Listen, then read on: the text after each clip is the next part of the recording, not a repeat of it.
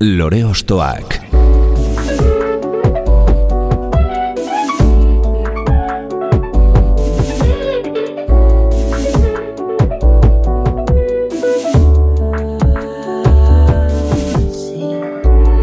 Ekain perezek aurkeztuta, gonbidatu bakoitza lore bat balitz bezala ostokatuko dugu. Jakiteko, zeintzuk diren bere lore ostoak. Opa, zer moduz, ongi etorri, lore ostoak saiora. Gaurkoan, mila bederatzen da berrogeita zortzian jaiotako ondarribiako seme bat izango dugu gurekin. Bere hotxa, gure, behin baino gehiagotan egin izan dugu, hainbat eta hainbat abesti ederekin. Eta horietako batzuk aztertu nahi ditugu, oparoa bezain koloretsua izan den ibilbide horretatik. Michela Begeri entzun ostean euskeraz abestiak egin zitezkela ohartu zen eta mila bederatzen deruro zazpian, ezo kamairuk irunen emandako emanaldiaren ostean, berak ere euskeraz abestu behartzuela erabaki zuen. Bere aita bordari poeta eta idazle ospetsua izanik, haren olerki eta bertsoak musikatuta osatu zuen Olasta izeneko lehen lana mila bederatzen da irurogeita bostean. Eta hortik aurrera, hainbat formatutan entzun izan dugu, taldean, aizea edo albokarekin esaterako, bikoan, amaia zubiria edo baita bere seme urbil hartolarekin ere, eta noski, bakarlari gisa. Bere hautsa, bai kantuz eta baita hitzez ere, geure ganatuta jarriko gara bidean. Hau, lore ostoak da, eta gaurko gure lorea, txomin hartola.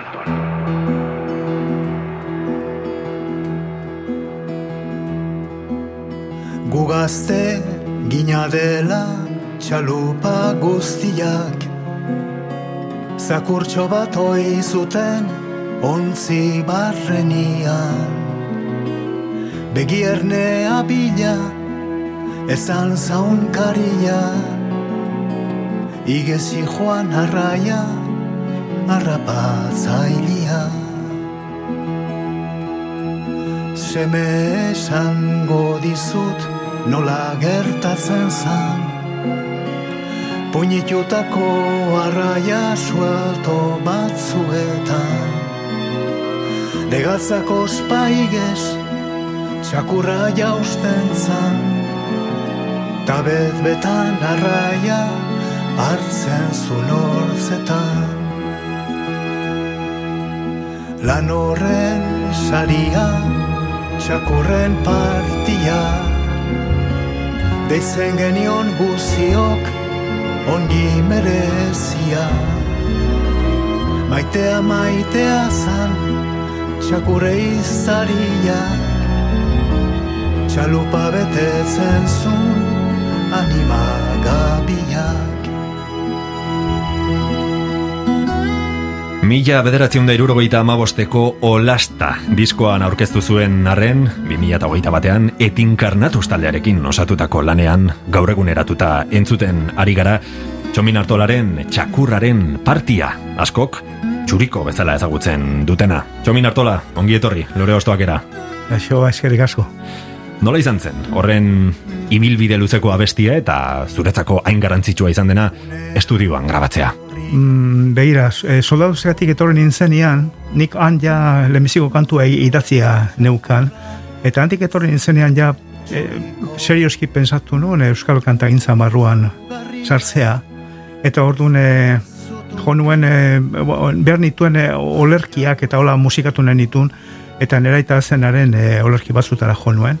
Berak e, utzi zizkian, berak egindako olerki batzuek eta ez zeuden publikatuta, E, eta hortik aukera bat egin nuen, pixkat historia bat montatzen euskal e, ondarrebiko arrantzaleen inguruan edo mundu hortan murgildu nahi nuen e, historia bat ez.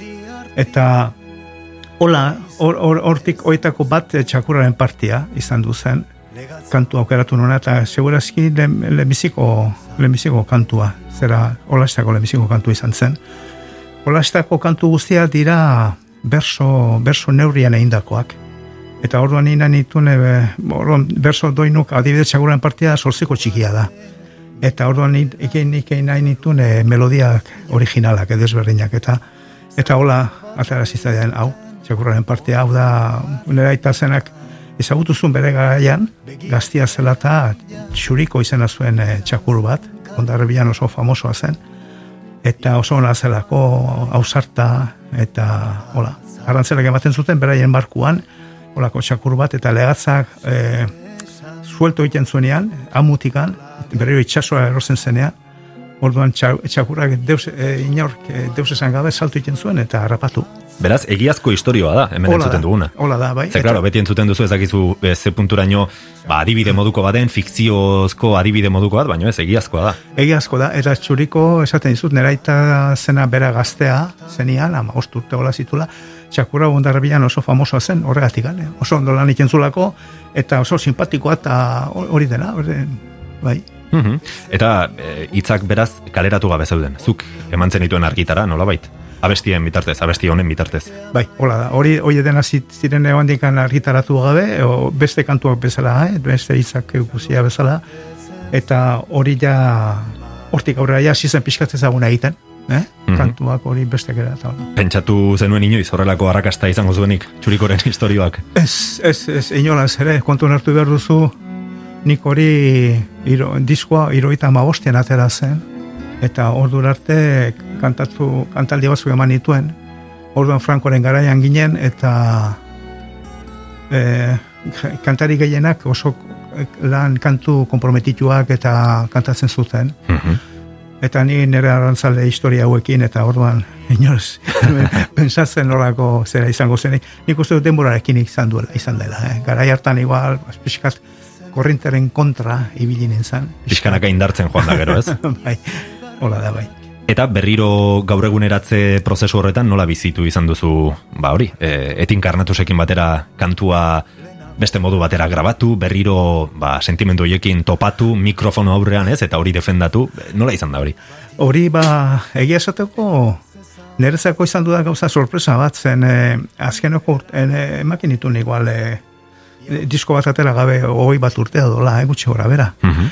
Eta orduan e, e, Miguel Severio, hau da intikanatu orkestako zuzendaria, etorri zizen, eta bere insistentziari esker, egin da hau den aterata aurrera, zen, e, oztopok izan ditugure baita ez, pandemia hau eta gero finanziazioak, eta gauza asko, bueno, lan asko, proiektu handia zen. Eta konten nago zen, e, nik hasieratikan zerbait egitekotan nahi nahi nuen gauza berezi bat, eh, orkestarekin, Et, eta gero baita ere e, publikatzerakoan liburu bat ere baita lau hizkuntzetan eta zeu zer pixka bat testa, testamentu gisa utzitzeko zerbait, baina ja arro edo konten senditzeko moduan, ez? Eta hor da, orduan hori da hori da gertatu den, eta orduan oitako kantu bat, antologia bat e, denik, e, azkeneko lan hau, e, txakurraren partia derrigorez egon behar zuen. E. Eta, bai, eta orduan ba, hori gehi- gehien bat igual kantu hau ere baita esango genuke originalaren e, gehiena ezagutz, e, e, ez da, lotura handiena duena hau izango dela, ez? Beste batzuk dire oso desberdina dira, baina hala ere hor- hori da beti arrisku bat, ez da kantu bat egiten jendeak ezaguten zaitu modu batera, eta aloko batean beste zerbaitekin etortzen zarenean, batzutan hori kostatzen zaigu, ez irestea eta onartzea, neri gertatzen zaitu hori beste kantariekin, osea, pensa, eh, bai, bai, horrela izan ohi da. Eta bestiaren jatorrira itzulitan, irurogeita mareko markadan, jargaitzea zu testu inguruan nola zinen zu? Non zen biltzan eta bueno, nolatan otu zitzaizun? Ba, ba noa ez, musikaren mundu honetan, kantuan bezala txalupa musikal horretan gainarri ez, eta Ja. aurrera. Bueno, gauza bat esango dizut, nik orduan e, musikarekin oso gazte hasi nintzen, harremanetan ez. Eta ama urte hola nitula talde rockero bat antolatu nun ondarrebian, eta hor bost, bost lagun ginen, oetako bat, gero bat oso, persona bat oso famoso izan du da, beste, beste bide oso desberdin bat hartu, hartu zuelako, hau da koraletan eta koro munduan, hau da Javi Busto, Javier Busto, eta berak antolatu zuen eskifaia bezbatza, sari asko irabazi ditu, eta oain beste, beste abezbatz bat egin dago, baina sariak irabazitu eta bat ditu konferentziak, eta berdin joaten da jaboira, edo, edo estatu batutara, eta hola ibiltzen da, eh? Eta hori ere, bueno, talde berean ginen, bera bajua jozen zuen, gitarra eta kantatu eta hori genuen, eta hola, horri zelata gero momentua pixka bat aurre ja el, elzenari nintzela, e, estatu batuetan sortu zen e, mugimendu bat e, folk protestako movimentu bat, eta horret kantari batzuk oso oso zagunak, gero zagunak zirenak, Bob Dylan, John Baez, Peter Paul and Mary, Tom Paxton, olako jende asko, ez? Eta nik zehituan e, e, movimentu horrekin egin nuen bat, ez dela. Eta ja, tal, bakarrari bezala e, hasi nintzen. Eta horrekin batera, ba, e, e, e Ingalaterrako, Eskozia eta Irlandoko musika herrikoiarekin ere baita, bat egin nuen. O, momentu hartan Euskal Herrian ez zegoen, nik enituen ezagutzen kantuak, eta zegoen movimenturik eta kantarerik edo talderik. Orduan dena zen kanpotaratik, kanpotik mm -hmm. musika. Eta alde batetek honorita ero baita ere Frantziako nion darabian bizi nintzela, eta nire amaiparraldekoa zenez, e, irrati frantzesa gentzituen genitun etxian, eta orduan beti frantzesarekin ere baita uh, chanson frantzez edert ditzen den hortan e, horrekin ere harreman estuan neukan. Eta hola, hola sortatu zen, gero, gero aur, pixkat aurrerago, e, soldauzka joan baino lehenago, hilabete batzu pasan ditun ingalaterran, oso, nezako oso importantea, oso asein, handiz pasan ditunan hilabete horiek. Zen, e, bueno, erabat libre joan dikan Frankoren garaian ginen hemen, eta gura aldiz herri bat libre zen, ez dara? Eta musika oso gozko noan, bertako musika herri, herrikoia, eta hola. Eta behin, e, behin oroitzen izango klub batera joaten nintzela, folk club batera, eta esan zuten bat, datorren ez dakogu inor, austiralero goten zen e, zera bat, e, sesio bat, eta beti kantari bat ikartzen zuten, edo bikote bat, edo la, gero famoso egin diren batzuk ere ezagutu nitu. Baina, austiral batean, ez zegoen inor, eta hori esan zuten, datorren austiralean, zuetako norbait kantu bat kantatzen badu, ez du sarrarik orrendu beharko, eta eta hori izan duzen ezako, ba, e, Aukera bat ez, bai, eta horra zinen. Bai, Eta horra, hasi, eta kantatu nuz lemiziko aldiz jenden aurren euskeraz. Ah, kantu, ah, kantu bat, bai? Ingalaterran. Ingalaterran. Zure bai. euskarazko lehen emanaldia. Begira, nola bai. diren gauzak, eh? Nola diren, bai. Eta iparaldego kantu bat, kantu xarmagarria zira, oso kantu mm da, ezaguna da. Eta nik hori etxean ezagutzen nuen. Eta orduan gitarrarekin egin nuen olako open tuning, olzera olako afinazio ireki batean, bai. Eta hori kantatu, ne? eta hortik aurrera ja, bueno, handikan etorri soldauzkara, eta bar, eta bar, eta ja zantzin, zartu nintzen ja mundu honetan. Mm Txakurrek arantzalen itxasontzietan egiten zuten lanaz eta bokazioaz hitz egiten diguzu, esan bezala txuriko protagonistatza hartuta bai. eta ondarribian jaio eta bizi izanta, ba, kantauri itxasertzeko kresalu saiaz, abesti bat baino gehiago busti izan dituzu. Esaterako, beste hau. Kantauri itxasertzean mendilirainez gordea Ibai eta ibarrez betea euskaldulur aldea. Toki paregabea oberik ez da munduan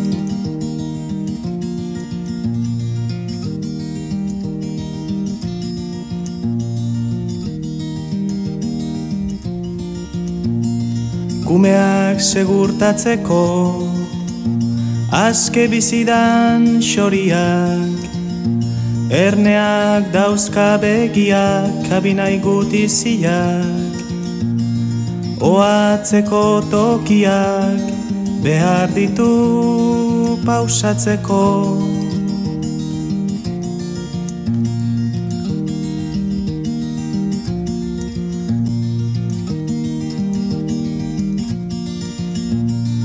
mundu hontan bizitzeko Euskoa horla zebilen. Ta inor gertatu baino lehen tokia aukera zuen.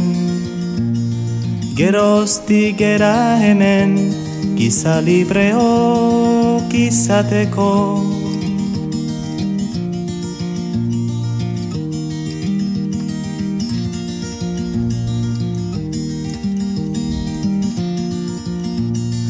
Goseak eziltzekotan Ikasi zuten hartzaintzan Aldi berean arrantzan Kantaurriko baratzan. Beste biderik etzan Arraikia jatekotan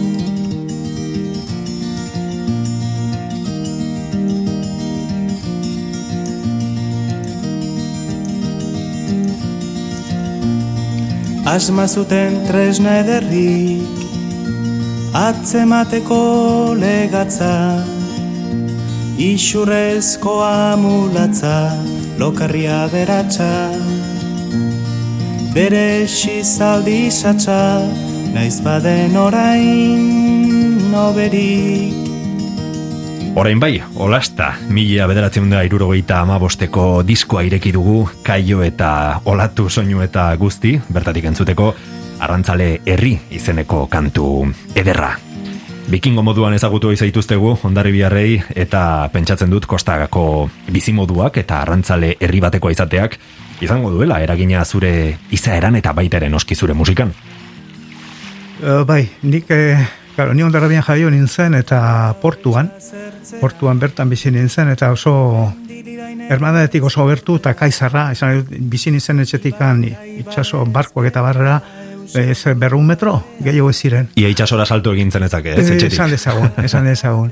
Eta gero baitare benta onduan, hau da barkoak etortzen zirenian beraien arrantzarekin eta bar, eta gura gurezako espektakulo bat zen, nian egoten izen bazterak nazten, segurazki, baina nik oso gustora bizitzen ditu momentu horiek, etorz, arrantzak etortzen zirenian, eta beraiek arraia, kajarraiak eh, atera zen, eta gero bentan saldu, eta subastak eta historia horiek, eta orduan oso, oso harreman, nien naiz iz- inoiz izan arrantzalea, eta familia ez da ere, gure aita ez zen arrantzalea izan, baina beti giro horretan bizi izan du gera, eta oso, oso gauz, gauz, gauza ederra, bai, nik oroitzen naiz oso, txikian izenean adibidezan kaizarrean, han gertu, eh, esan nahi duzte, bentatik gertu, ba, eh, Carmen Amaberginaren eguna, izaten zen, ustailan izaten zen, izaten da, Aha. eta orduan hori hori da arrantzalen edo marinelen eh, patroia. Eta orduan ni hori zen naiz e, e, festatan, festa horietan, egiten zuen, e, eto, etozen zen e, ondarabiko e, parrokoa, eta sponsor bat erreza, egiten, errezatzen zuen, eta botatzen zuen e, kore, este, lore koroi bat itxasora. Eta hori botatzen zen, e, zeti beti urtero, arrantzale batzuek e, itxasora, itxasoan itoien ziren. Eta berain gorpuak ez ziten, ez zuten errekuperatzen. Galduta ez, galdutzat Bai, ziren, geratzen bai. ziren. Eta orduan, hoien oroi, hoien oroimenez edo, koroi hori botatzen zuten, ez? Itxasola eta gero hori, hori galte, mariakin joaten zen itxaso. Ba. Eta gauz, olako gauzak oroitzen ditut, hori dena ja galduta dago, oitxura hori ja ez dira egiten, eh? Baina beti esan nahi dut, o, giro horretan bizi izan du naizela niretzako, eh? Bai, Arrantzale. naiz eta ez arrantzala izan, ez zure familia ez zu, testu inguru horretan egontzarete, eta bai zure aitaren hitzetan, eta baita zure musikan ere, ba, hori nolabait eh, plasmatu da, ez? Eta hor ikusi eta entzun daiteke. Pexat, bai. Kresalusai hori, eta Bai, bueno, bai, eh, bai. kaio soinu horiek, eta... Bai, gero arrantzaleak ere, arrantzalen emazteak saltzen zuten beraien arrantza, beraiek e, e, gizonak arrantzaleak harritako arraiak, batzuek, egiten zuten saldu San Pedro kalian han, eta hori deitzen zen el merkau negro, deitzen genuen, ez? eta bai, esan edut horrez egon dendarik, eta Bai. egon dena diru beltzean, bueno, orduan dirua zen, gaur egunean beltza deitzen zaio, baina orduan zen, hori, hori zen bizimodu bat, Hori da, laguntza hori da. bat esan edut, ez? Eta holako, beti holako giroan. eh? Eta arantzale herri izeneko abesti hau ere, zure aitaren hitzetatik atera da, e, bueno, atera zen, nola definitzen duzu kantu hau? Zer da kantu hau? Hau da pixka bat, e, olasta disko atera nuenian, pensatu nuen e, pixka bat kantu guztiak einan itun historia hau dezala. Eta ora, orduan arrantzale herri, gero atatzen da guazin itxasola, gero txakuren parte, bertako lanak, gero e, kaitza bat sortzen da itxasoan, eta zera bat hiltzen, marinel bat e, hiltzen da, orduan horrek sortzen du alarguna bat gelditzen da herrian, eta orduan alargunen negarra da beste kantu bat, eta olako, olako historia bat, ez dala, eta orduan arantzale herri izango zen aurkezpen gisa bezala, eh? olako asmo horrekin. Aipatu dituzu lehen atzerriko talde eta bakarlari batzuk, disko honetan ze talde edo bakarlari izan ziren gehien bat eragin zutenak, zure musikan eta, e, bueno, kantuetan. Ah, hori eh, ez da erraza, hori ez da erraza. Eraginak oso dira ezin zera hortikan es, eskapo. Ezin duzu, e, e, eskapo egin edo itzuri. Ondarabian esaten dugu bezala. Ez. Aha. Ez zen hori ja kantuak, hanbeste kantu gentzun ditugu, eta horiek denak gure buruan daude, eta orduan kantu bat egiten duzunean, ez dakizu hori no- norbaite beste nunbaitean egin haute duen, edo zeinen antzaren izango duen, edo ez, eta beti da, bueno, kezka horrekin egoten zera, ez? Horretik kantu honen eragina, ba ez zindizut esan, zuzenki zein, baina nik orduan erabi, e, askontzuten ditun e, Ingalaterra edo Eskozia eta Irlandako, eta baita ere protestako musika horiek estatu betutakoa. Baina Europan gehien bat e, Eita egintun eh, ba, John Renborn, Martin Carthy, holako jendea, no? Martin Simpson ere bai, nola ez, eta, bueno, oie dena, bai, dena dire, baz, in, pixkati Britaina inguruko musikoa. Lore Ostoak.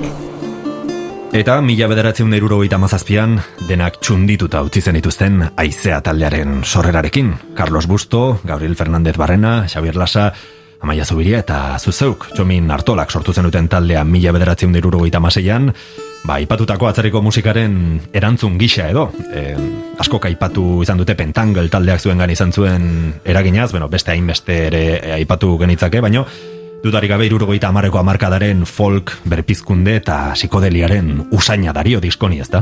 Bai, hola da bai. Hola da bai, nik hori Pentangolo taldea hor lehen aipatu du John Renborn eta horiek Jackie Mashi eta Danny Thompson, Bert Jansch eta Terry Cox baterian, mm -hmm. bosko teori eta hoi ziren elzako izugarri on- onak, ez da nik hoi disko, disko horiek asko asko entzun nituen eta hor bai ekin nuela influenzia eragin eh, zuzena, ez? Eta gero or- orduan has- hasin olako zerbait egin nahi nuen hemen.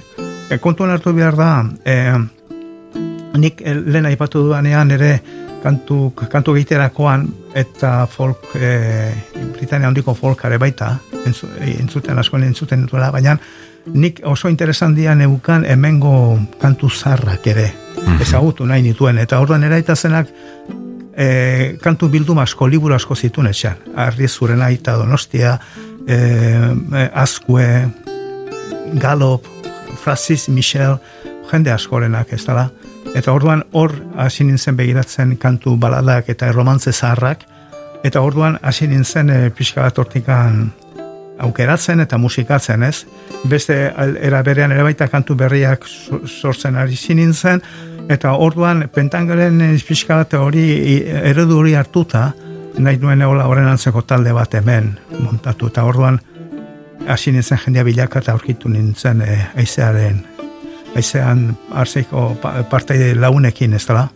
Eta hola izan du zen. O- Hori hori kontuan hartu zazu hori baita ze garaietan bizi ginen, ez dela, orduan e, oendikan, or, orduan e, esan nahi dute kan, kantari, beste kantariak, hasi ziren ja e, o, Franco hil zenez, eta orduan ja pixka libertatea gehiago genuen, kontu, hartu, hori- horitu behar da ere baita orduan e, dozen kantarirako, kantaldi baterako, eman behar zenula, eskatu behar zenula e, baimena, hemengo Aha. e, goberno zibilan, eta gaina presentatu behar zenitun zure repertorioa. eta Zer bar- abestuko zenuen eta Hori, dena, ez? Bai.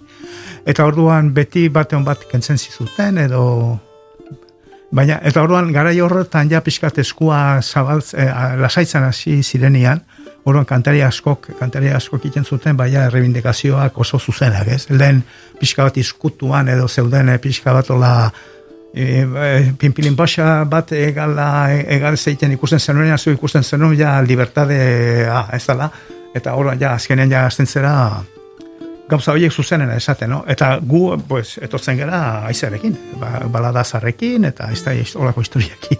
eta berriro ere, ba, ondo, ba, ba, e, giro horretan, baina oso ondo, nik uste dut denborarekin aizea izan du dela onartua e, denborarekin. Orduan ere kon, a, kontzertu asko, kantaldi asko eman genitun, frontoietan eta lebiltzen ginen, eta bai, orduan frontoietan bakizu kantuak ez dire entzut, ez dire ulertzen oso ondo sekulako bai, Reverberazio moduko eh, Bai. extra horrekin, ez? Bai, dena nazten da, eta orduan, bueno, baina, baina oso giro polita.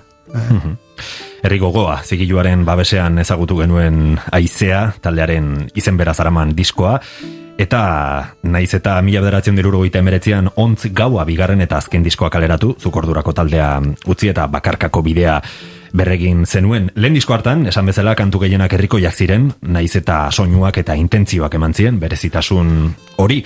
Baina horietako bat, goizeko euri artean, zuk idatzi eta abestutakoa da, eta pentsatzen dut zuretzako ere esanguratsua den kantua dela.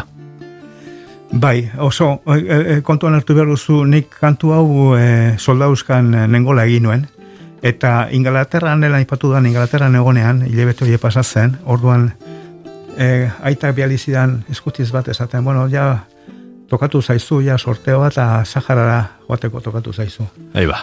Eta nik lehenbiziko hau za pensatu nuna izan duze, ez noa, ez, ez Sahara eta ez da e, inora, eh? enaiz, enaiz emendikan muhituko, eh?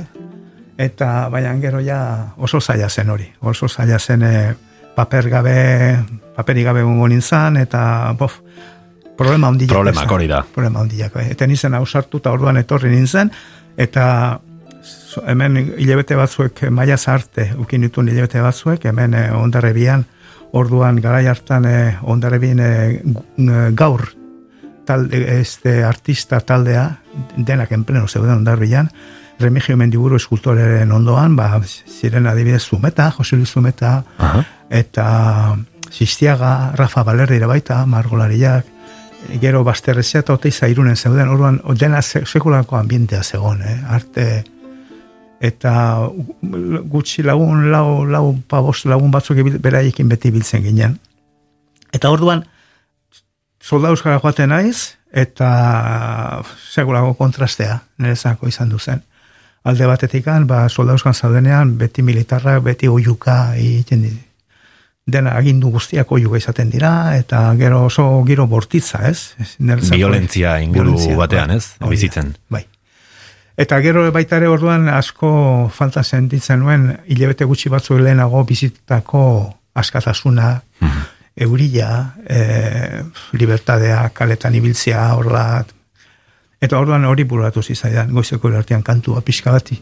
Atzerako oroi menoiek, mm -hmm. pixka torrara, eta, bai, hola egin nuen kantu hori. Hori izan duzen nik lehenbiziko, euskara idatzi nuen lehenbiziko kantua. Mm Entzun dezagun ba, Txomin Artola eta konpainiak, mila bederatzen da irurogeita amazazpian kaleratutako aizea, disko eta taldearen goizeko euri artean kantua. Goizeko euri artean Aterkinari gabe. Eskuak sakelean. Pena bat bihotzian. Etxetik urrutinago. Kaletan bakarrik Goizeko euri hartian Gitarra bakarrekin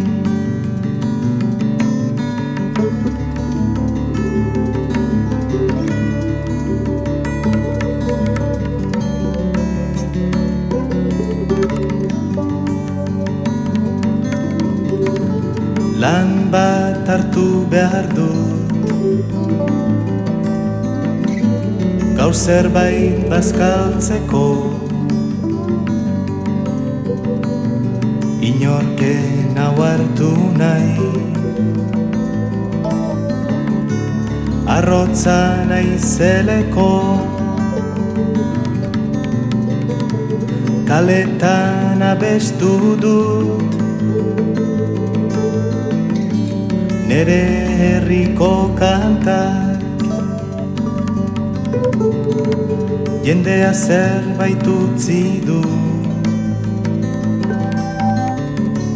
Goizeko euri artian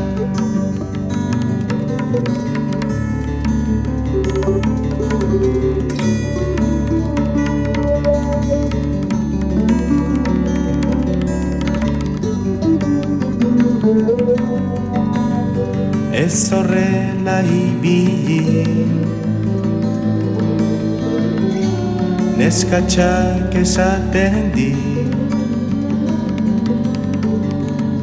Obeki hemen bizi. Ubiok elkarrekin. Batzuetan galdetzen diot neure buruari. Zertarako naizen hemen Zer gaitik ari naizen. Betiro kezkatzen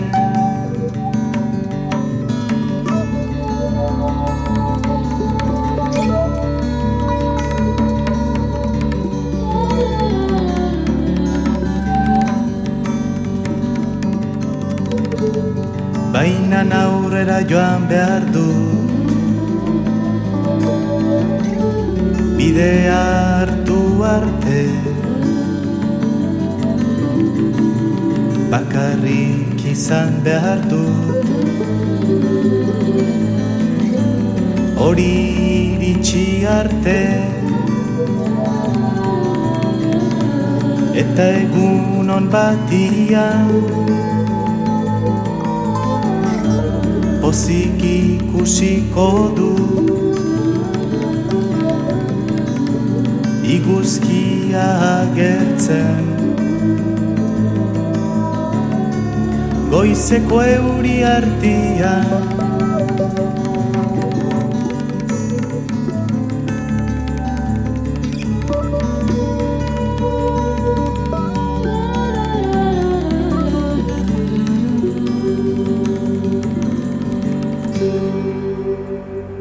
Ekain berezek aurkeztuta, gonbidatu bakoitza lore bat balitz bezala ostokatuko dugu.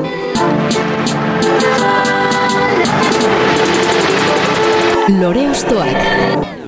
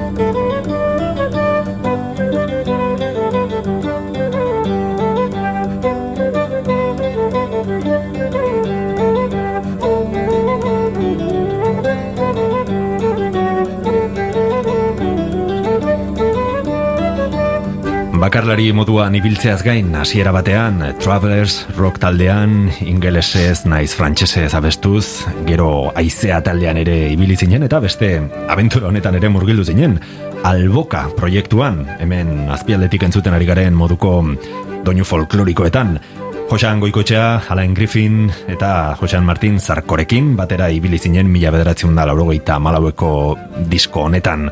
Kota iguzu, albokaren ibilbide hasiera horretan, nola sortatu zen zu horregotea edo zerk bultzatuta sartu zinen proiektu honetan? Edo nolatan sortu zen, alboka?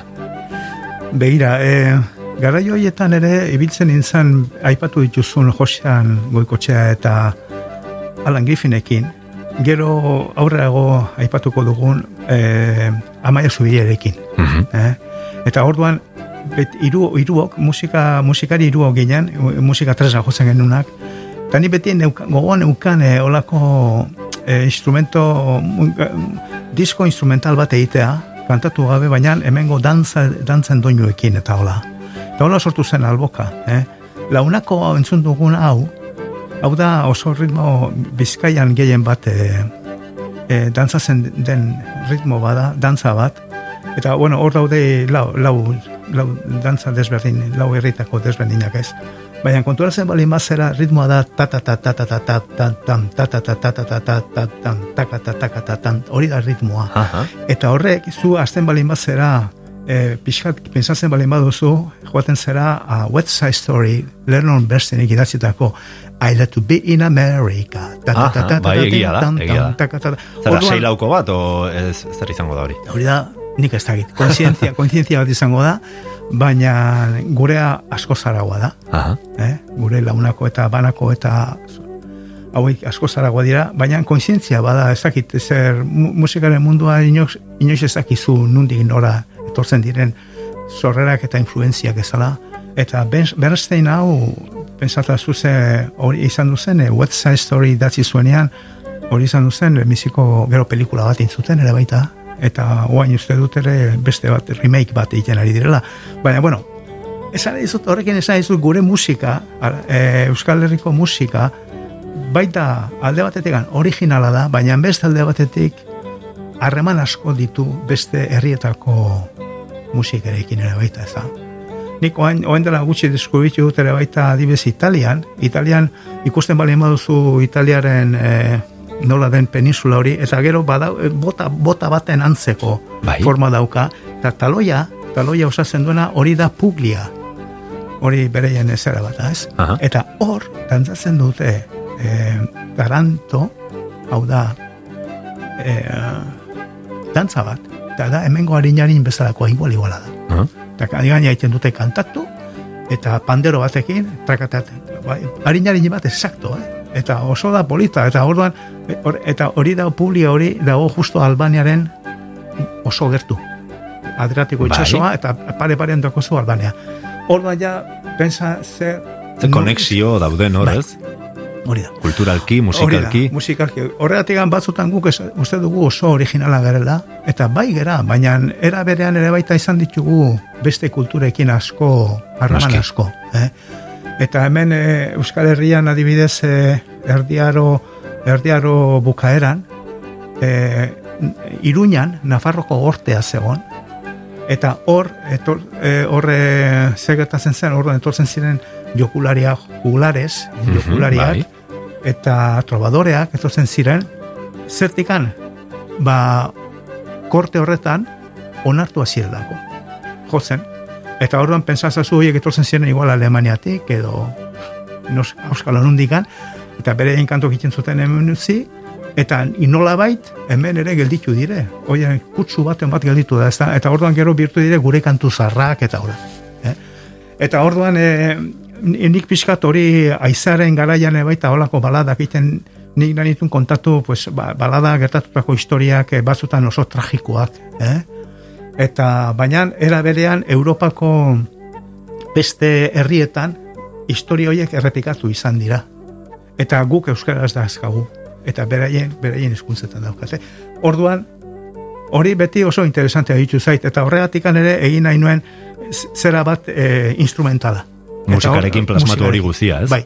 Eta orduan goiko, eh, Josean goiko txarekin, eta Alan Griffinekin oso, oso laguna giren oso harreman estua, eta asko konversazio asko izaten genitu. Eta orduan hasi ginen, eta hola gauzatu zen alboka, bai, gauza, gauza poli bat, hor- horrekin ibili ginen pixkat ere baita Europan zehar emango nitu nolako inpo- inkan, este, festival importante batzutan, ere, aritu ginen, eh, Flandrian, ere, aritu ginen, eh, eh, Ungarian ere baita, gero joan ginen baita Antwerpen, zera Flandian baita. Bueno, hola, pixka bat ibili ginen, ez? Mhm. Beste, beste konexioa, beste jendekin topo egiten, eta inter, interkambio bat ezara, ez? Noski. Interesantia. Hemen hau alde batera geratu zen, eh, esan duzu bezala, instrumentuak hartu zuten protagonismo nagusia, horien artean zure gitarrak noski. Noiz hasi zinen gitarra jotzen?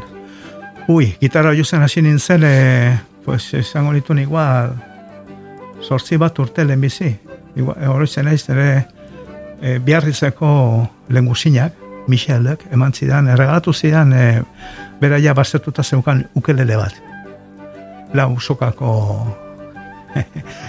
eta niri erratu e, e, sokari gabe e, e, hartu nuen eta orduan este, jarri nion pita bat pita bat e, arrantza, Arrantzaleen, begira hor ere lotura, Bai, arrantzalearekin. bai, pita bat jarri nion eta e, zera, soka batekin ibiltzen izan melodiak egiten pensatzazu oso mugatuta baina tira eta ja horri horrengo pauso izan duzen ja gitarra normal bat eta hortik hasi nintzen ja autodidakta Mhm. ikusten ditun e, argazkietan jendea gitarra jotzen eta ze, ze posturak Eta horren zaetzen ezen postura hori berak gitarran jartzia eta beste sonido ateratzen zuten, eta hola. Imitazioz ikasi zen Hori da, hori da, bai, bai. Era bat eh, autodidakta, eta, bai, hola xe.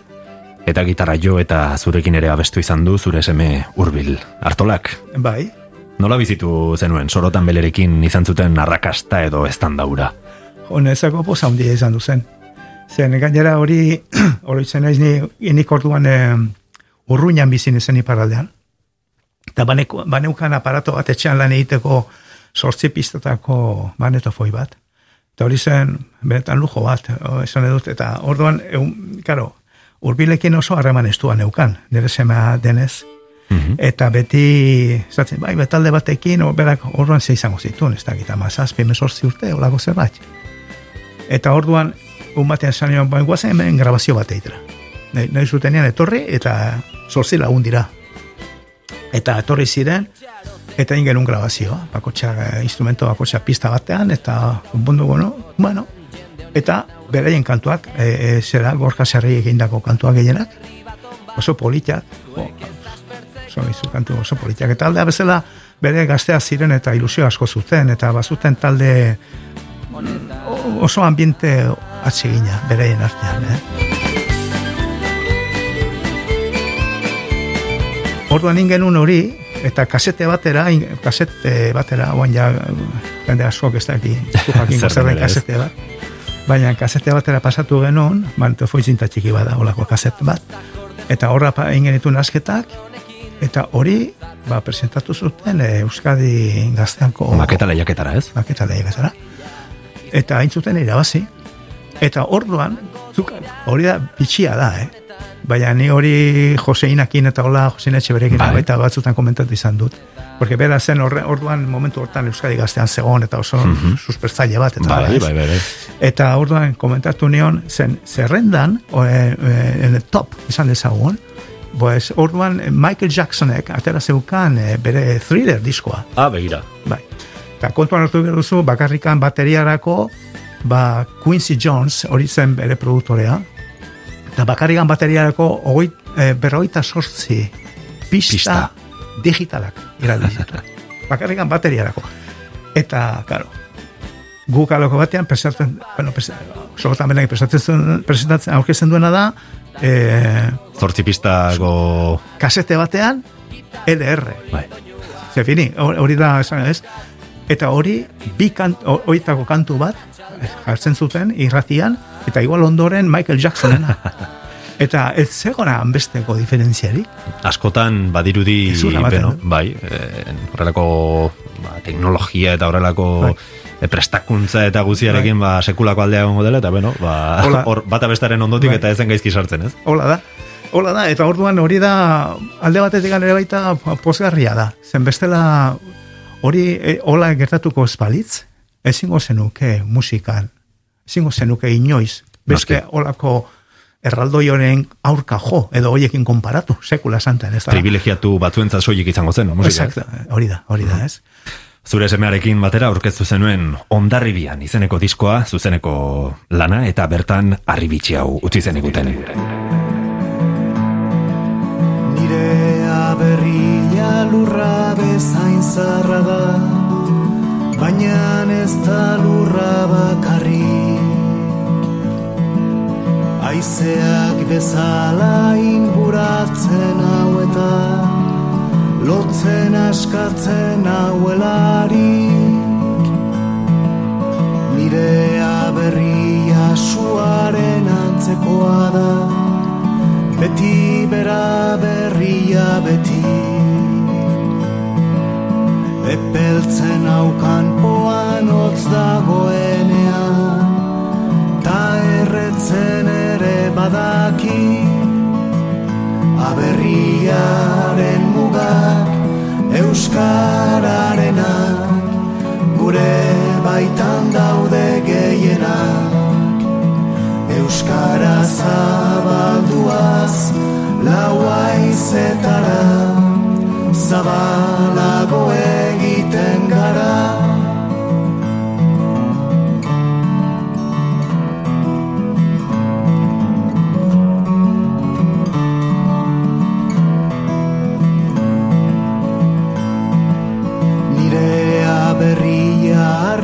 itzezko herria da itzezkoa eta itzekoa altzairuzko txakolin ardo zurezkoa eta ondarra anonimoa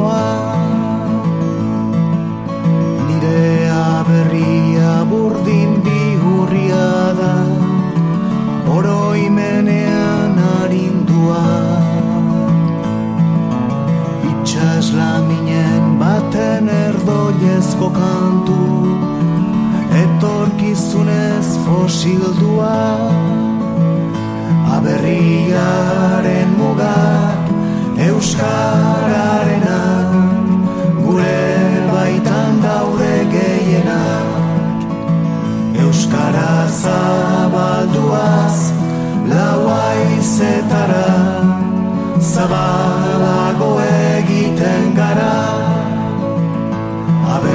Aberriaren mugak Euskararenak Gure baitan daude gehienak Euskara zabalduaz Laua izetara Zabalago egiten gara Lore ostoa. Gonbidatu bakoitza lore bat balitz bezala ostokatuko dugu.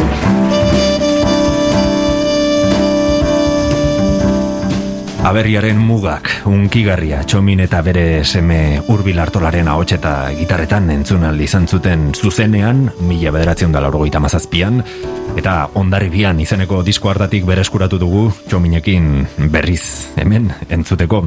Zer sentsazioa sortzen dizu kantu hau edo momentu hau bereskuratzeak? Oh, pensazazu. Gainera kantu honek badauka bere historiare baita. O kantu honen egilea, letraren egilea Josera Garzia da. Eta Josera da nire adiskide handia.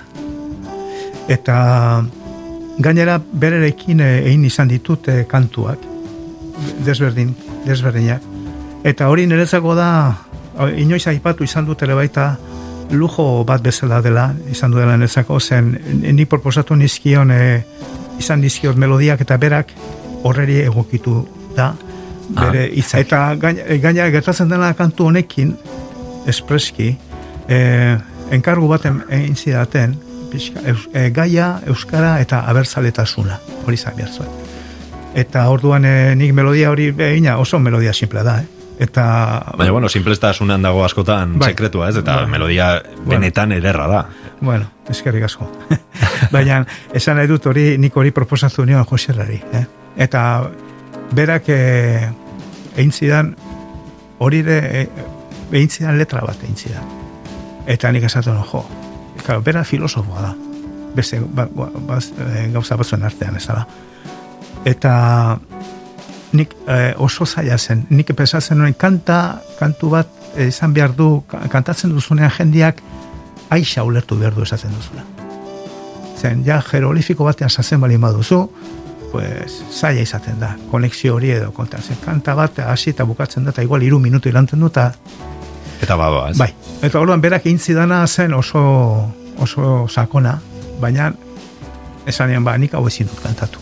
Hola, jendeak ez du, ez lako. Eta orduan, handik bi egunetara, esan zidan, bera, gau osoa pasa dut, lorik egin gabe, eta abezi dizen hau. Eta karri zidan, eta hortikan ez dugu hitz bat bera ere ikutu behar izan. Hor ikusi zenuen ber, bertan zegoela kantua, ez? Hori da. Eta zuzen zuzena zen, eta jendeak asiretik ulertzen du. Nera berria lurra bezain zarra da, baina ez da lurra bakarrik. Aizak bezala inguratzen hau eta lotzen askatzen hauelari. Oso gauza politiak esaten ditu. Bai. Eta gero o, kantu honek ere izan du beste ibilbide bat e, personala, eta eh, oso onartu izan du da, zera, oain, oain pandemiarekin desberdina da, baina oain arte gutxi, e, herrietan eta hola elkartzen ziren jende askok e, igandetan eta hola, igual herriko plazan edo, eta kantatzen zuten hola, eta hoitako hau eskotan kantatu izan da hor. Eta orduan e, horrek esan esan nahi du, ba, ba, daudela bere bilbidea egin du. Ere serki batean bilakatu da. Pixka bat, pixka bat bai. Eta iparraldean ere baita batez ere oso da oso, oso dago sartua. Eta nik hor- hori zen, gogoratzen dut batean eh, nire arreba iziar eh, endaian bizi da, eta esan zidan eh, aurreko bueno, eguna, eh, larun batean eh, France 2, hau da eh, telebista oso importantea Frantzia Bai. dena, eta Frantzia osorako ematen duna, eta gauetako informatiboan, hau da sotzitako informatiboan, e, programa bat egin ari zirela e, kompostelako bidearen e, horri buruzko programa bat. Labur bat. Eta orduan, ez, doni bane garazin, zerran pidepo, angelitu ziana, eta hango ostatu batian, eta pixka bat komentatzen gauza galderak, eta hango erromesait, eta bazegola talde bat, paskaltzen edo afaltzen ez dakit nola ziren, eta alako batean at- bukatzen dute hori, atatzen dute instrumentuak, fanfarre bat omen zen, eta aberre mua kantatu zuten. Begira. Bai, ez osoa, eh? Zati bak izu Bai, telebistan noski. zatitxo bat. Baina, hola, esan nahi duz, hori, detalle, Gauza handia da, eh? detalletxo bada. ez? Gauza handia, Detalle. zuk, zuk eta, bueno, e, Bai, zure Joseba. Joxarra Gartzia lagunak Bai. eh, elkarrekin sortutako Bai. kantu honek, ba, begira zei bilbidea egin duen, eta Bai, gaur egun ere, bueno, edozein Euskal kantutegiaren liburuska Bai. hauek, ez, etortzen direnak hitzekin eta bazkari edo afarietan abesten direnak, Bai. kantu hau hor dago, bai edo bai. Bai, hori da, eh, poza handia da, gurezako, eh? Joserrantzako, Josera da fenomeno bat, eh? Idazterakoan ze gauza egiten ditun. Eta gero, bueno, pues kantua, bileken artean indago kantua da, eta hori da. Aha. Aipatu duzu melodia egintzen nuela lehenik, gero hitzak etorri zirela, Bai. beti horrela izan ohi da, zure kasuan? Ez da beti horrela izan. Ez, bat, batzutan eh, nik, adibidez musikatu izan ditut beste batzuek egindako induten olerkiak. Eta orduan eh, hori hori ere baita ere hor gertatzen zaite batzutan eh, jo, zartzen zera mundu oso mundu personal batean ez da olerki olerkarien munduan. Eta orduan irutzen zait pixka bat igual eh, bere munduan sartze horrek eh, pixka hautsiten duzula edo ez dakit eh, gauza intimo batean sartzen zara orduan segun segun nolako hitzak diren erlaxago egiten dut eh, hartu kantu bat egiteko edo bestela ez dut ikutzen ez dara eta kasu horietan hitzak egina daude beraz musika gero da Aha. Lore ostoak saioan gaude eta zuk baduzu disko bat belarrostoak izenekoa, mila bederatzen derurogeita emezortzikoa eta etin karnatu taldearekin bertsio eder honetan ekarri diguzu bertako abesti bat. Abere artian biziko nintzateke hain dira eztiak hain dira isilak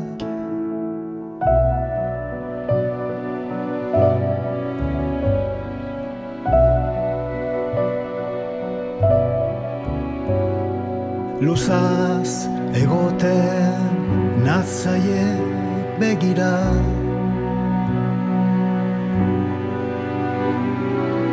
Ez dira lanean ertzen Ez ala beharraz kexatzen.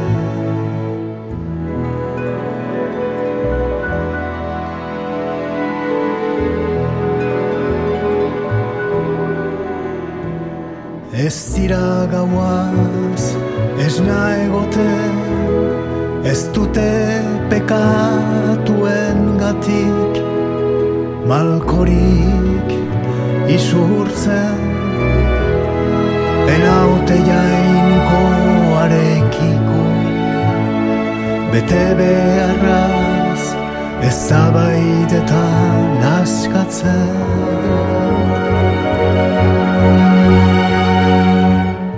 Biziko zinateke, aberen artean, bai, gustora e, bira, aberen artean hau Walt Whitmanek idazitako liburu eta Leaves of Grass belarrostoak hortatik atu- aukeratutako poema bada eta nik hori adibidez eh, go, oso ondo gogoratzen dut noiz eta ze baldintzetan egin nuen.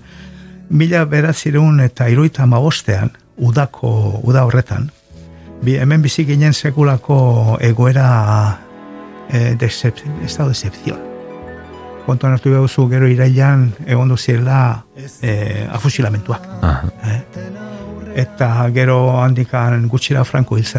Bueno, orduan, giro horretan, ni ondarabia bizi nintzen, ez, e, egoera horretan ezin genuen atera, e, ez genuen baimenik, ateratzeko, eta orduan, nik e, oso giro bortitza zen. Osea, gauet, gauetan egoten zinen bildurrez, ia noiz zure bila ziren, e, guardia zibilak edo polizia.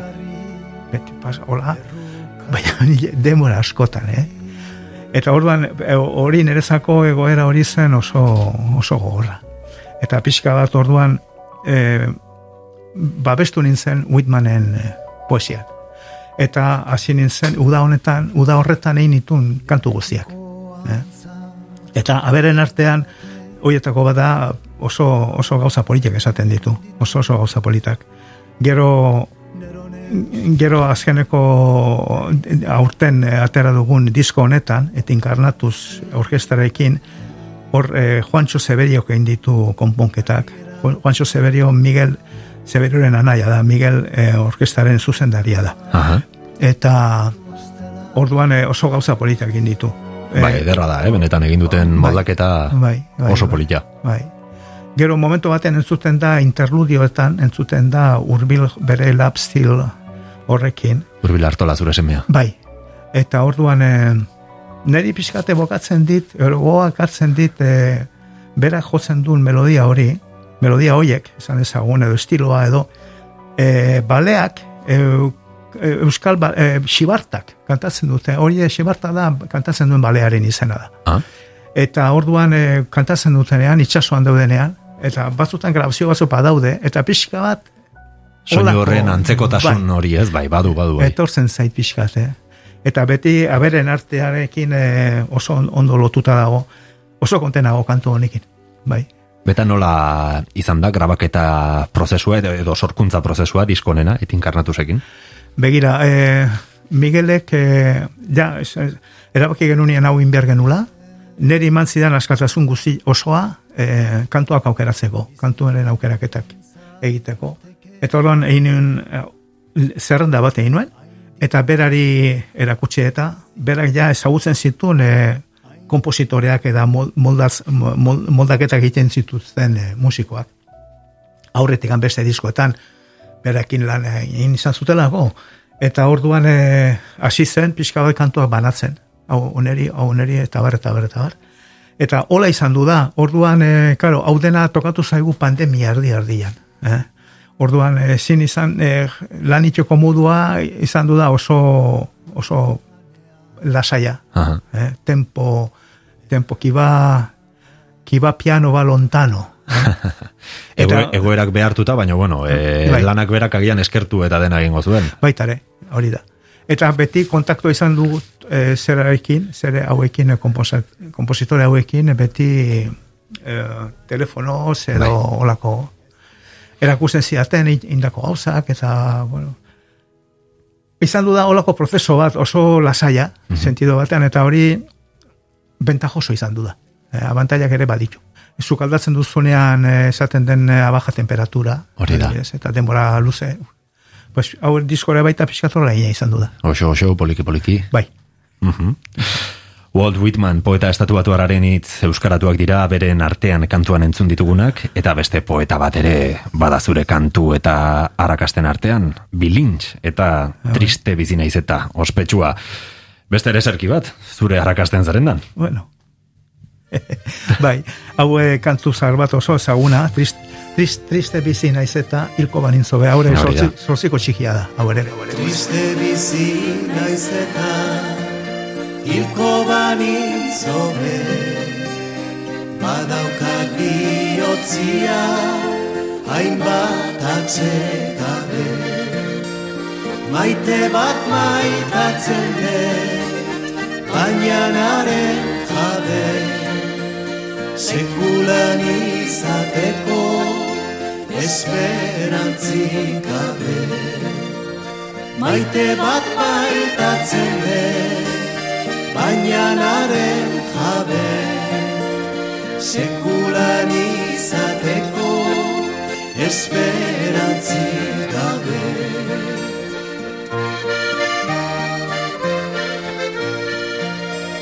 Bihotz baten mila banitxu zuretzako maitia izan bonirake baina mila lekua bat besterik ez hartzazu ba maitia bata mila bide.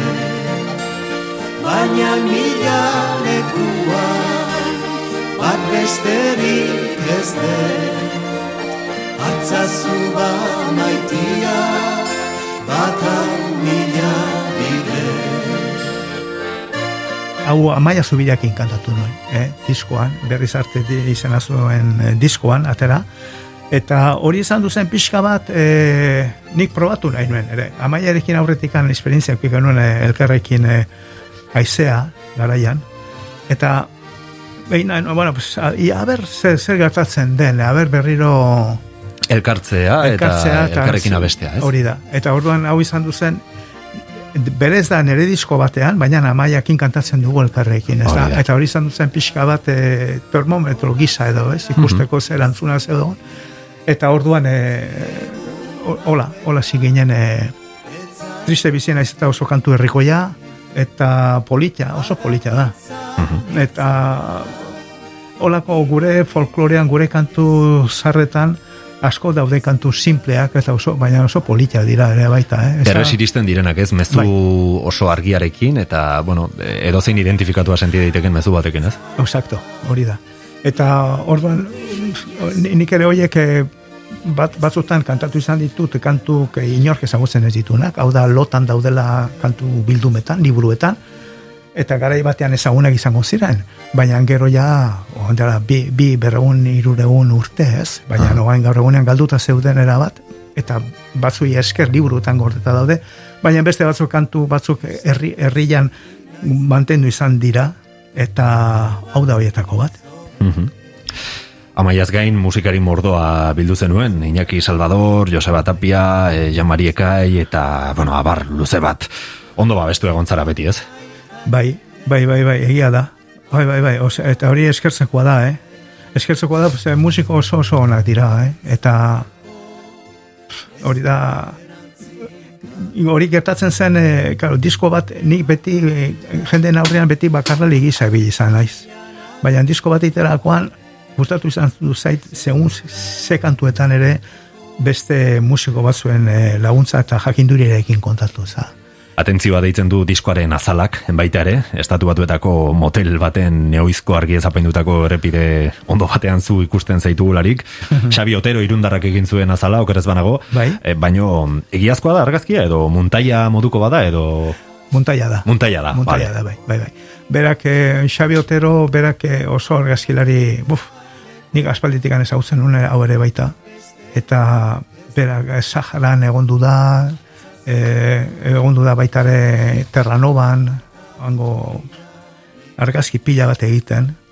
Eta horietako bidaian, berak, karo, argazkilaria, ni horitzen naiz, eh, ez- esan zidala, terrano, behin Terranova, ternuara joan zela, e, reportaje bat egitea, baleari buruz, eta bakailaba, eta hango barkuak, eta hemengo Euskaldunaren astarnak, eta bar, baina hortik aparte berak egiten zituen beste argazki batzuk, ez da, bere bentzako bueno, estetikoki balioko zuten argazkiak, eta orduan horietako montaje bat egin zuen, eta berriz arte, berriz arte erako erabili genuen, berriz arte nik momentu hortan oh, en, en zen mo, oso momentu on, on bat pasatzen ari, Aha. eta berriz arte da iparraldean, xuberoan batez ere, erabiltzen den espresio bat, berriz arte da beste bat arte Agur esateko modu bat. aur esateko modu bat, bai. Berriz arte. Eta orduan eh, polita da, eta, bueno, hori, hori da biluren, disko horren zerarako. Eta pixka bat hori da, eh, argazkere baita, pues, eh, zera batekin, bolsa batekin nago, autobusen baten zai, eta... Bazoa zela, Bueno, bezala ez, atzerrira, edo... Bai, bai, bai, bai. Mhm. Eta hor badaude kanta batzuk, daude pixka bat, e, bai, hor Josearrak ere baita parte handia hartu zuen. Be, gerak, hor kantu batean berak errezitatzen du, e, John Lennoni, claro, John Lennon hil zutenean, han, e, tiro, tiro ba- batez ez da hori laroita ama, larroian, eh, mila betzen eta larroian, han, eh, New Yorkeko zeran. Aha. Eta berak, bueno, idatzi zuen eh, olako poema bat, eta errezitatzen du, bueno, nik uste dut berriz arte dela di, eh, katu desberdin osatu, osatzen duen disko bat, baina badago, badago era berean Nexo edo nexo lotura moduko hori da, kontu, kontu, kantu guzien artean. Eta, baina beste alde batetikan ere, pixka bat ere e, zentzu optimista batekin, ez da? Bai. Adibidez, triste bizi naiz eta optimista zen kantu trista da. Hori da, baino doinu alaia da. ez? Doinu alaia da, eta gainera pixkat irekia, atea irekit, ate bat irekitzen genuen amaia eta biok, aber, zeo zer ingotak genuen, ez da. Mhm. Eta hori hori gertatu zen, handikan urte bat edo bi urtetara, hasi, ginen elkarrekin berriz.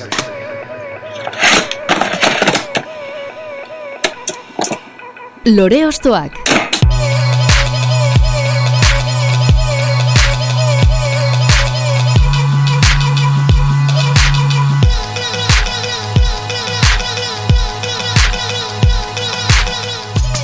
Triste bizi naiz eta hilko banintz hobe abestu zentzun ditugu Txomin Artola eta Amaia Zubiria mila bederatzen da laurogeita zortziko berriz arte diskotik. Eta aipatu dugu aizea taldean elkarrekin abestu ostean egin zenutela lehen elkarlana, baino ez azkena, ze hortik hiru urtera kaleratu zenuten biko formatuan dagoeneko folk lore sorta izeneko bildumaren lehen atala.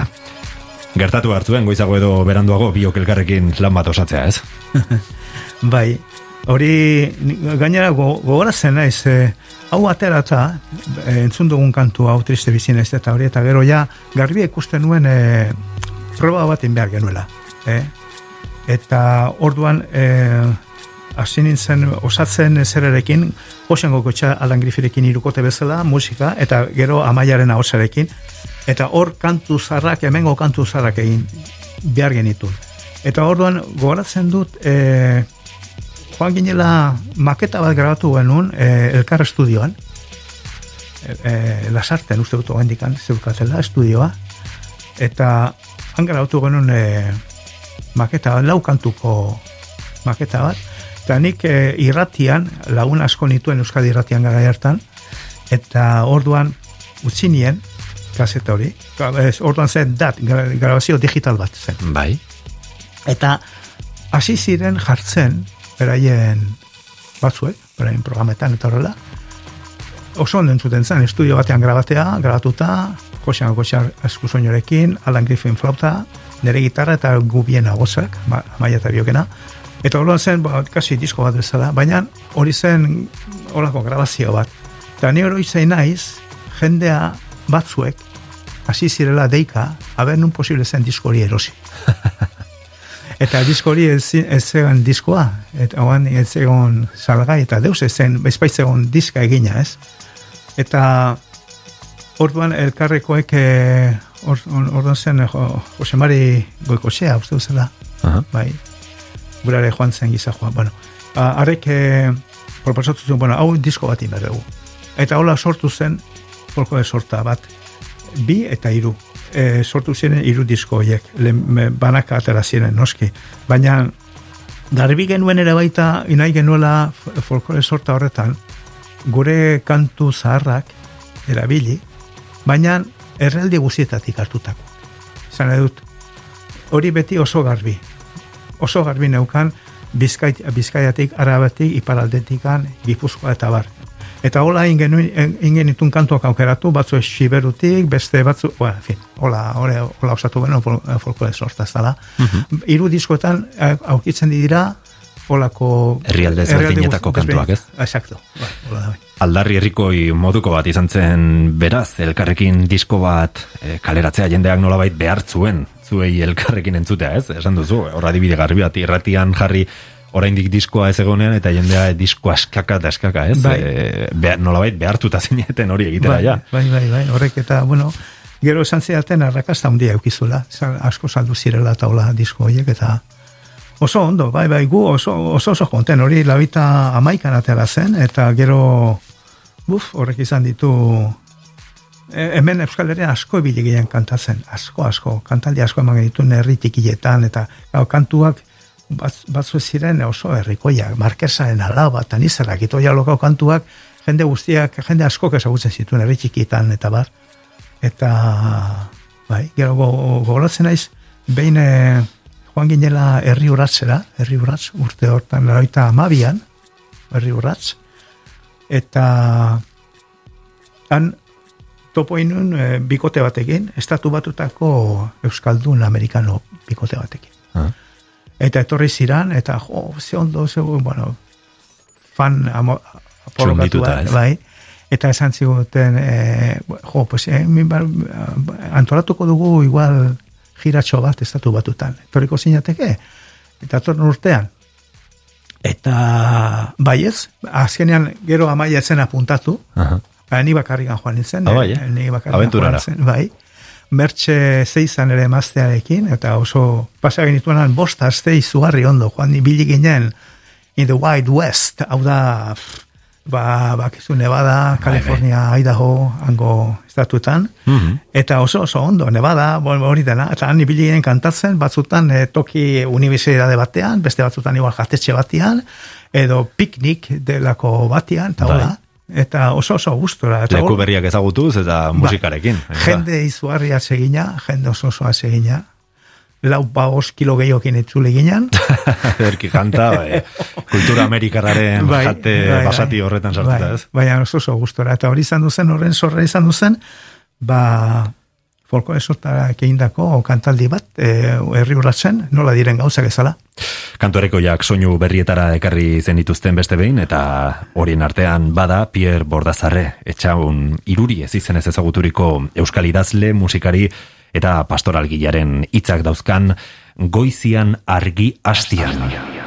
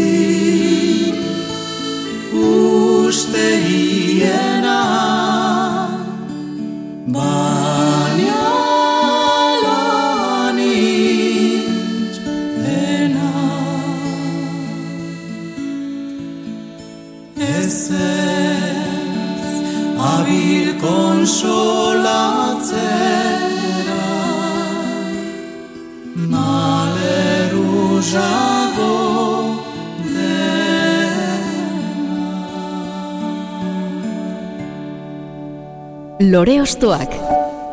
Zeinen ondoen pastatzen duten edo zuten zubion ahotsek, eh? Asko entxaiatu izan duten edo nahiago zenuten gauzak ez gehiagi prestatuta eh, prest, interpretaziorako eraman.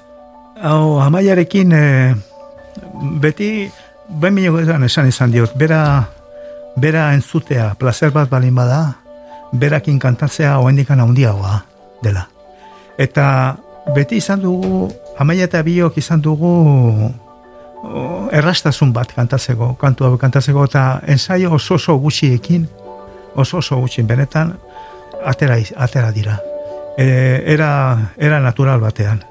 Eta goizian argi astean hau etxaun, etxaun irurik, idazetako kantu oso ezagun bada. Etxaun iruri e, nire aitak e, ezagutzen zuen ere baita, porque hau da koblari bat, hau ezen bersolaria, baina koblaria, idazi zituen koblak. Mhm. Baina horitzen naiz ben ondarrebira etorri ziela bera eta Salvador. Eta kantatu zuten han, ondarbilan eta gero bukatu, berandu bukatu zen eta karo, etxagun xuberora juteko oso berandu zen. Eta gure etxean gelditu ziren lotan et lemizio ondo afaldu ba, jatetxe batean eta ero lo.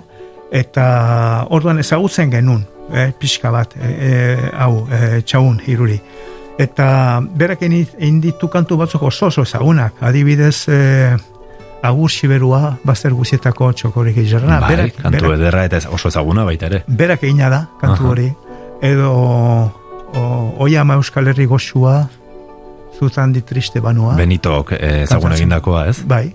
Hori kantu hori da iparraldean eh, oso oso da famosoa zen hor, kantu hori kantari frantses batek Miguel Mathieu egin zuen eh, eh, Acropolis Adieu kantua Hori da, bai, bai, bai. eta hori frantzian esan duzen Sekulako arrakasta. sekulako arakasta eta Aldi berean dagoela, oinarritua Greziako doinu tradizional batean, ez? jendeak hori uste du, baina ez da horrela. Ez da horrela? Ez da Ah. horrela. Hori kantu hori da, e, karo, bere kantu hortan aipatzen du Akropolis. Bai, bai, bai. Agur Akropolis hori. Baina kantu berez aleman batek idatzia, oain dela urte oso gutxi, eta espreski mirari matioren zat. Aha. Eta, bai, bai, baina ematen du kanta tradizional greko bat ematen duela, Bai. itxura hola dauka, ez? lotura dauka hitzakin Bai, eta... eta kasi kasi zirtaki dantzatzeko Hori gogoa da. izaten zaizu, ez? Eta orduan, hori Frantzian oso kantu oso ezagun izan duzen, eta etxaunek, zeituan jarri zizkion e, letra euskeraz oso polita, eta gero pixka bat e, ritmoa edo tempoa pixka aldatu, eta bere, gero ja bihurtu da ja kasi xubero kan- kantu bat bezala.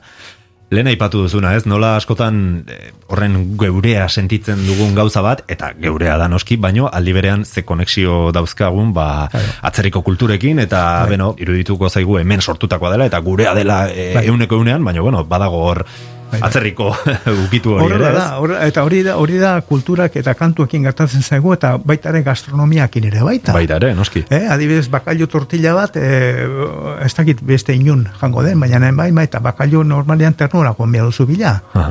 Eta, eta eh, edo antxuak, edo, eta barrez. Hain gurea diren gauzak, baino berez, hemen ez ditugunak, ez? Baina gure kulturan indire edatu eta zabaldu, eta nola bait gure ganatu inditugu, eta hori da, impo- importante hori da, nerezako, eh? ez izatea uarte batean bezala bizi, baizik eta konexioak beste munduarekin, beste jenderekin eta konexioak eduki, eta zure nortasuna nolabait utzi, baina era berean universala zera. Mhm.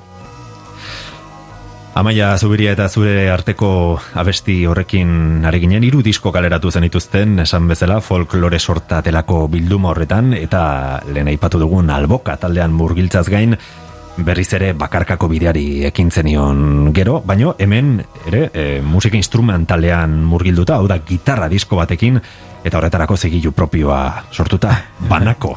Bai, bai, Zer ja. gertatu zitzaizun gara hartan musika instrumentalarekin, ez? E, Bai. Sartu zinen bete-betean.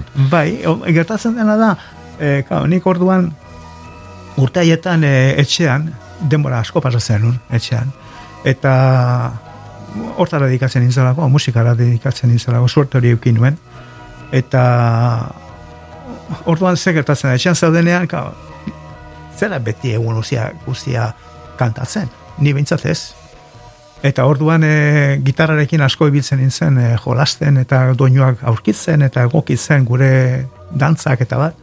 Eta hola okuritu zizaidan banako aterazia. Hori e, ez da bat ere disko komerziala. Hori ere e, egia da ez. Baina baina, bueno, ba, izan ditu bere, bere sorpresak ere baita euki izan ditut. E, batez ere atzerrian, hola, bai, gogoan dute lagun batek bera estatu batutako lagun batek ez, e, be- e, beri eskaini nion hori, bera ez da bat ere Euskaldun e, jatorrizkoa, eh? baina eskaini nion diskori eta orduan askotan erabiltzen zuen, hori, e, bera, bera margolaria da, eta fondo bezala, bueno, kontu, musika bezala ez. Aha. Eta orduan eska, behin eskatu zian e, ia bere arreba angua, han bizi dena arreba batentzako ia nun e, olako disko batera lortzeko e, opari naizi olako eta eman zion, nik eman nion esan edut, eta berak eman zion, eta hola, eta handikan urte batzutara nun eta enteratzen naiz, Claro, bere arreba hoi, hauek Kalifornian bizi ziren, eta in, ba, bere lagunak eh, gure adinakoak nimen, edo pixkat zarragoak, inkluso, ez?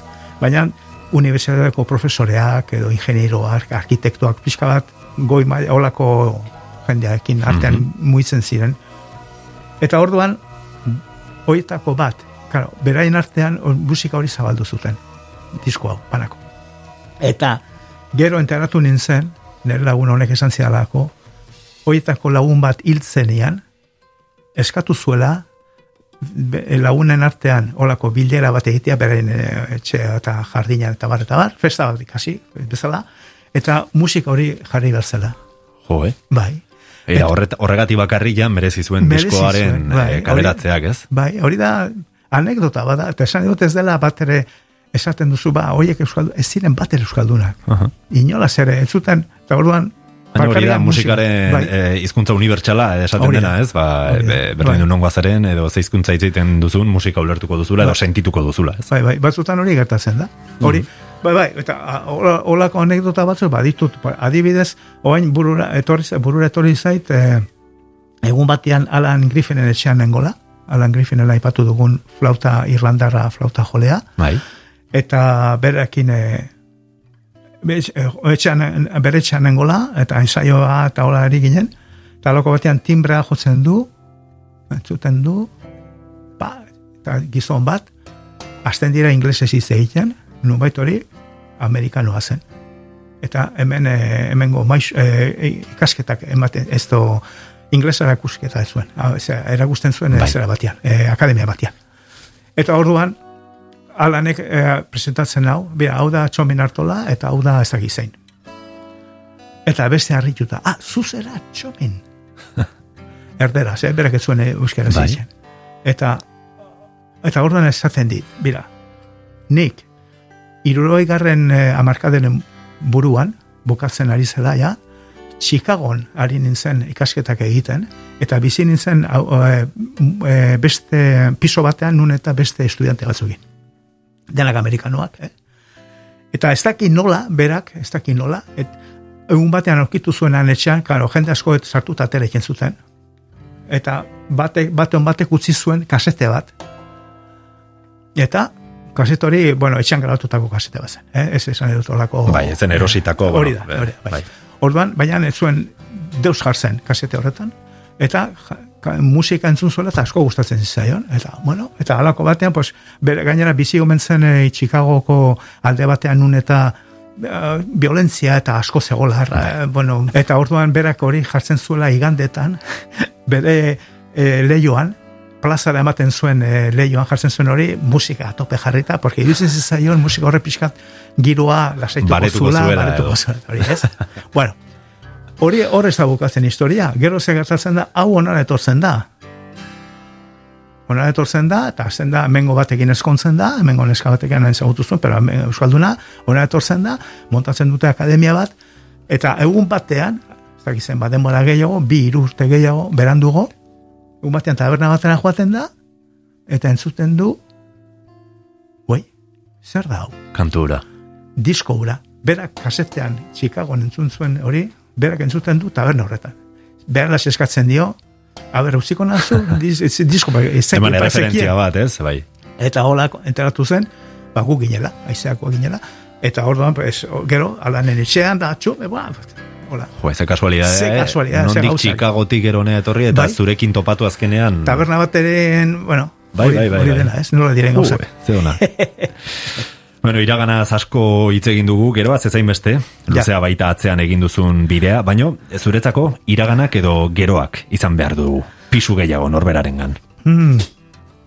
Biek, biek dira, bien nas, na, na, nasketa ez dela. Eta Iragana eta geroan hau da Josean Artzek, nik asko mirestu dudan e, poeta bat, usul bildarra, eta orain dela hiru hiru bat urteola hil zen. Hau Josean Artze izan du zen e, ez doka mairuren e, sortzailetako bat. Eh?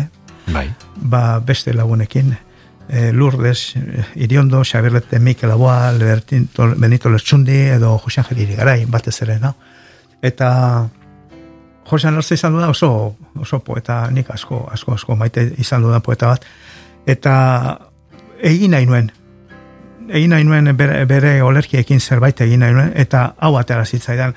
Iragana eta geroan da, de hecho da, esango genuke pixka bat da, e, lau, lau, e, lau zera diferentetatik hartutako elkartuta, dire, lau... Zati ezberdinak edo olerki ezberdinak, elkartuta. Eta hori kantu baten forma ema- eman, eman nion, eta berari josaneri erakutsi nion, eta oso ondo ditu zen, eta bueno, orduan bere baimena nuen, eta nire nerezako maisu baten e, baimena, eta hori importantea zen, eh? Hola, aurrera jarritzeko.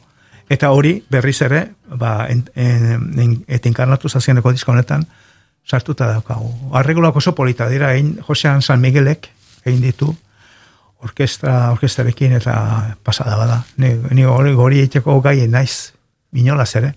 Eta hola entzutea zure kantu bat, holako persona bat, beste musika jakin duen, eta idazten, beste instrumentoentzako idazten duen, ba, hori da, nezako izan du da, esperientzia oso polita.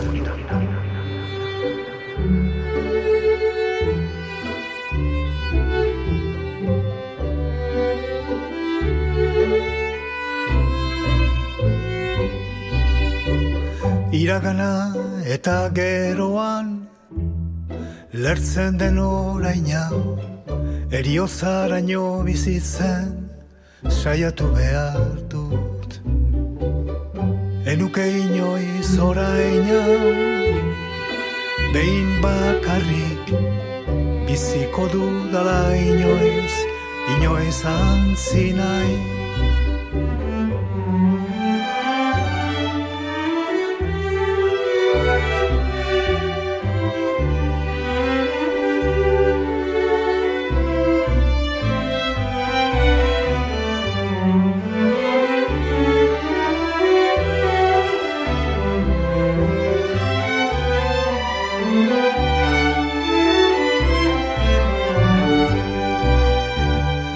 Erioza belarrondoan Dantzudalarik Biziko dut une hau Nire unea Azkenekoa baliz bezala Biziko dut Lehenengoa banu bezala Biziko Enuke inoiz, orain hau, behin bakarrik biziko dudala, inoiz antzi nahi. Esaldi hau behin baino gehiagotan errepikatu behar genioke, gure buruari ez? Bai, hori da pixka bat carpe diem.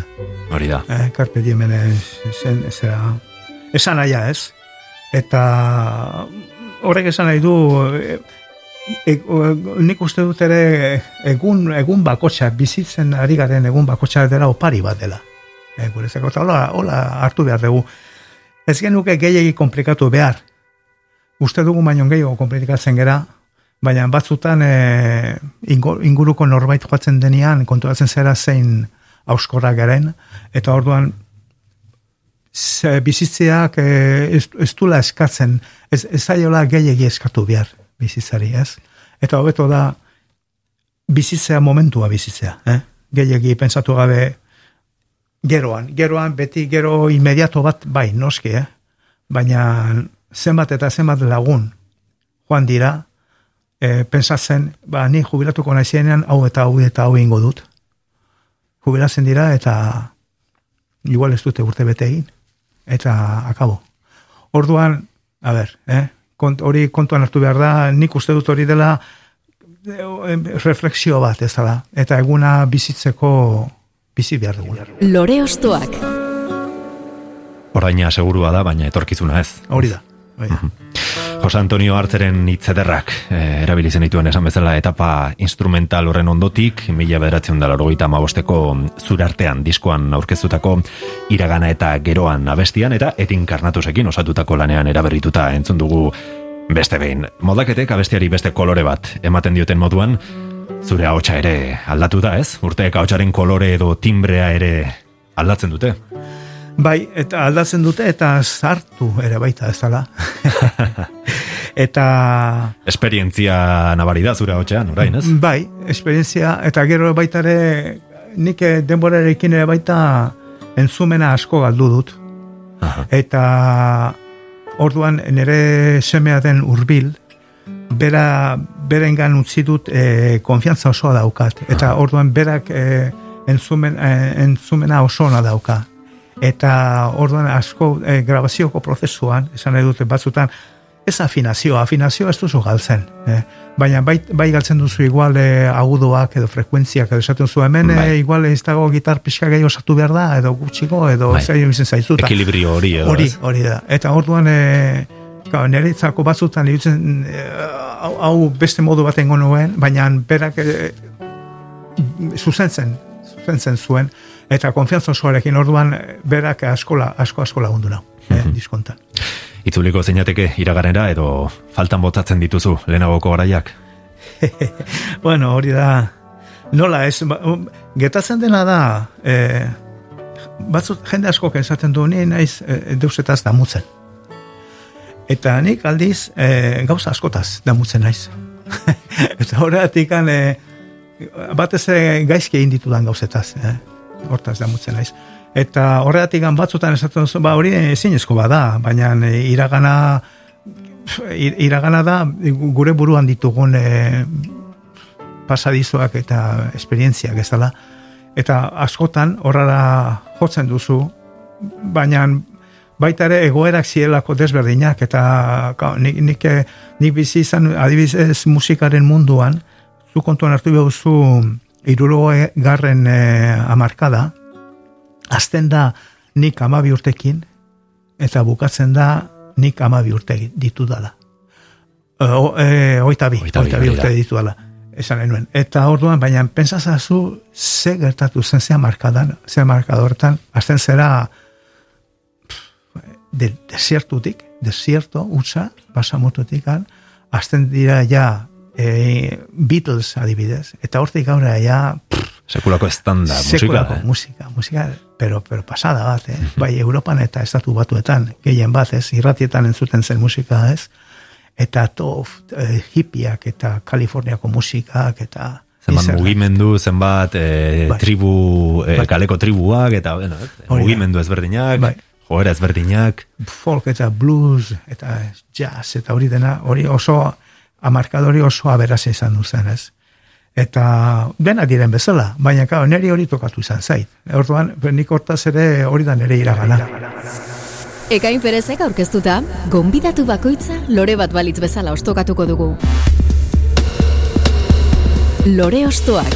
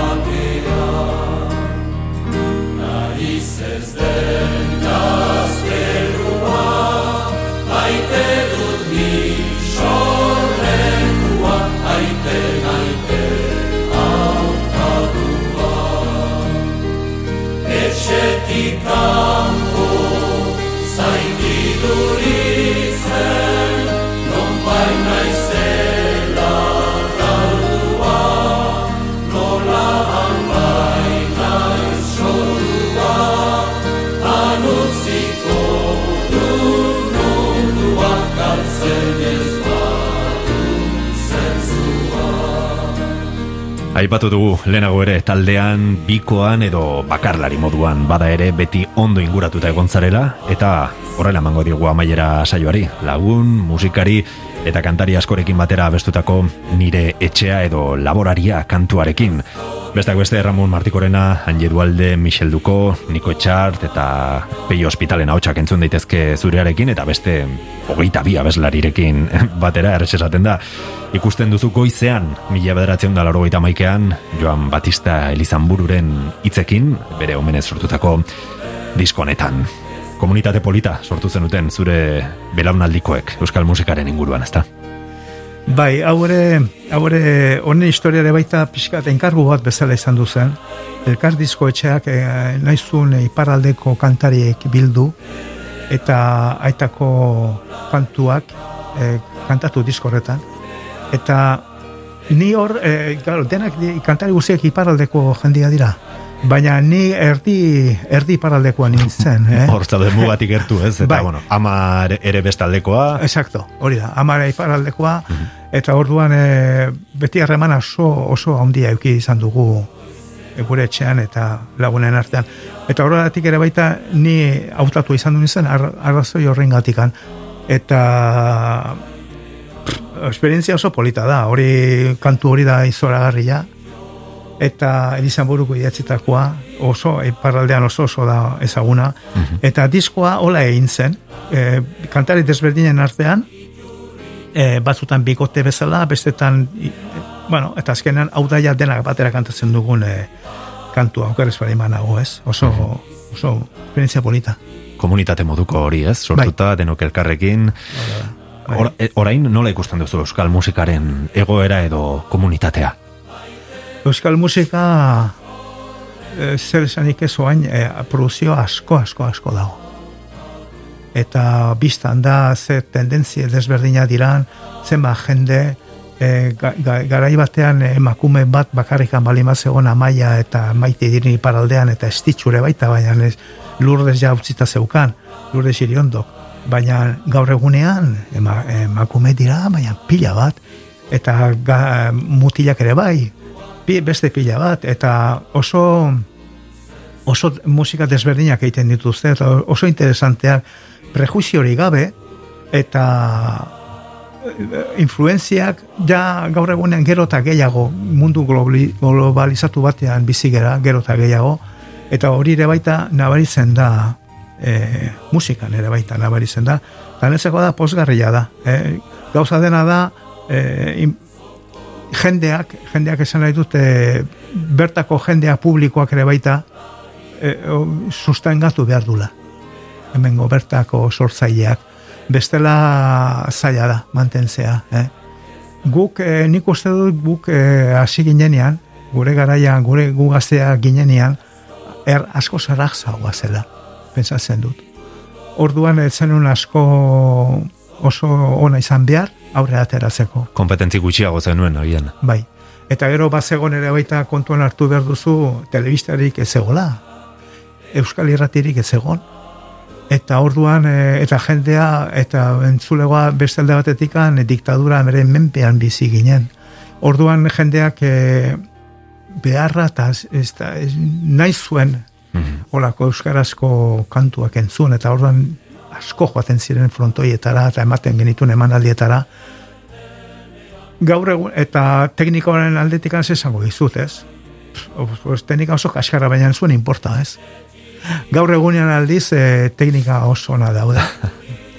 eta jendeak, karo, gaur egunean ezin duzu frontoi bat bete horrela uf, oso zaila da, ez? Bai. gutxi batzuk egiten dute, eh? Baina oso gutxi batzuk. Eta disko bat erosi beharrean egiten duzu igual kantu hau eta beste kantua eta ura. Eta, En fin, asko asko aldatu da, baina horreatikan alde batetikan ere zailagoa da. Eh? Kanpotikan eh, jende asko dagolako. Baina alde batetikan hori, baina beste aldetik ere produzioa oso oso da. Aha. Eta musika desberdin asko egiten ari dira, oso interesanteak ere. Primeran, meno batxomin hartola, iritsi gara amaierara, espero dut gustura egon izana, eta ariketa honek, batez ere iraganera begira jarri garen horretan, oraine eta baita aurretik geratzen zaigun ere, gogotsuago hartzeko balio izan diezagun. Eskerik asko, txomin hartola. Eskerrik asko eta bersolariek esatu duten bezala ondo esanak ondo hartu eta gaizki esanak markatu. Eta zuri entzule, besterik ez, mila mi esker beste behin gure alboan entzule gisa izatearen. Gogoratu hori bai, eitb.eus barra euskal kantak atarian, edo eitb podcasten entzun ditzakezula lore ostoaken atal guztiak. Nahi duzun lekuan, nahi duzunean. Nire etxea edo laboraria entzunez, bagoaz, ondo izan, eta urren arte. Ditut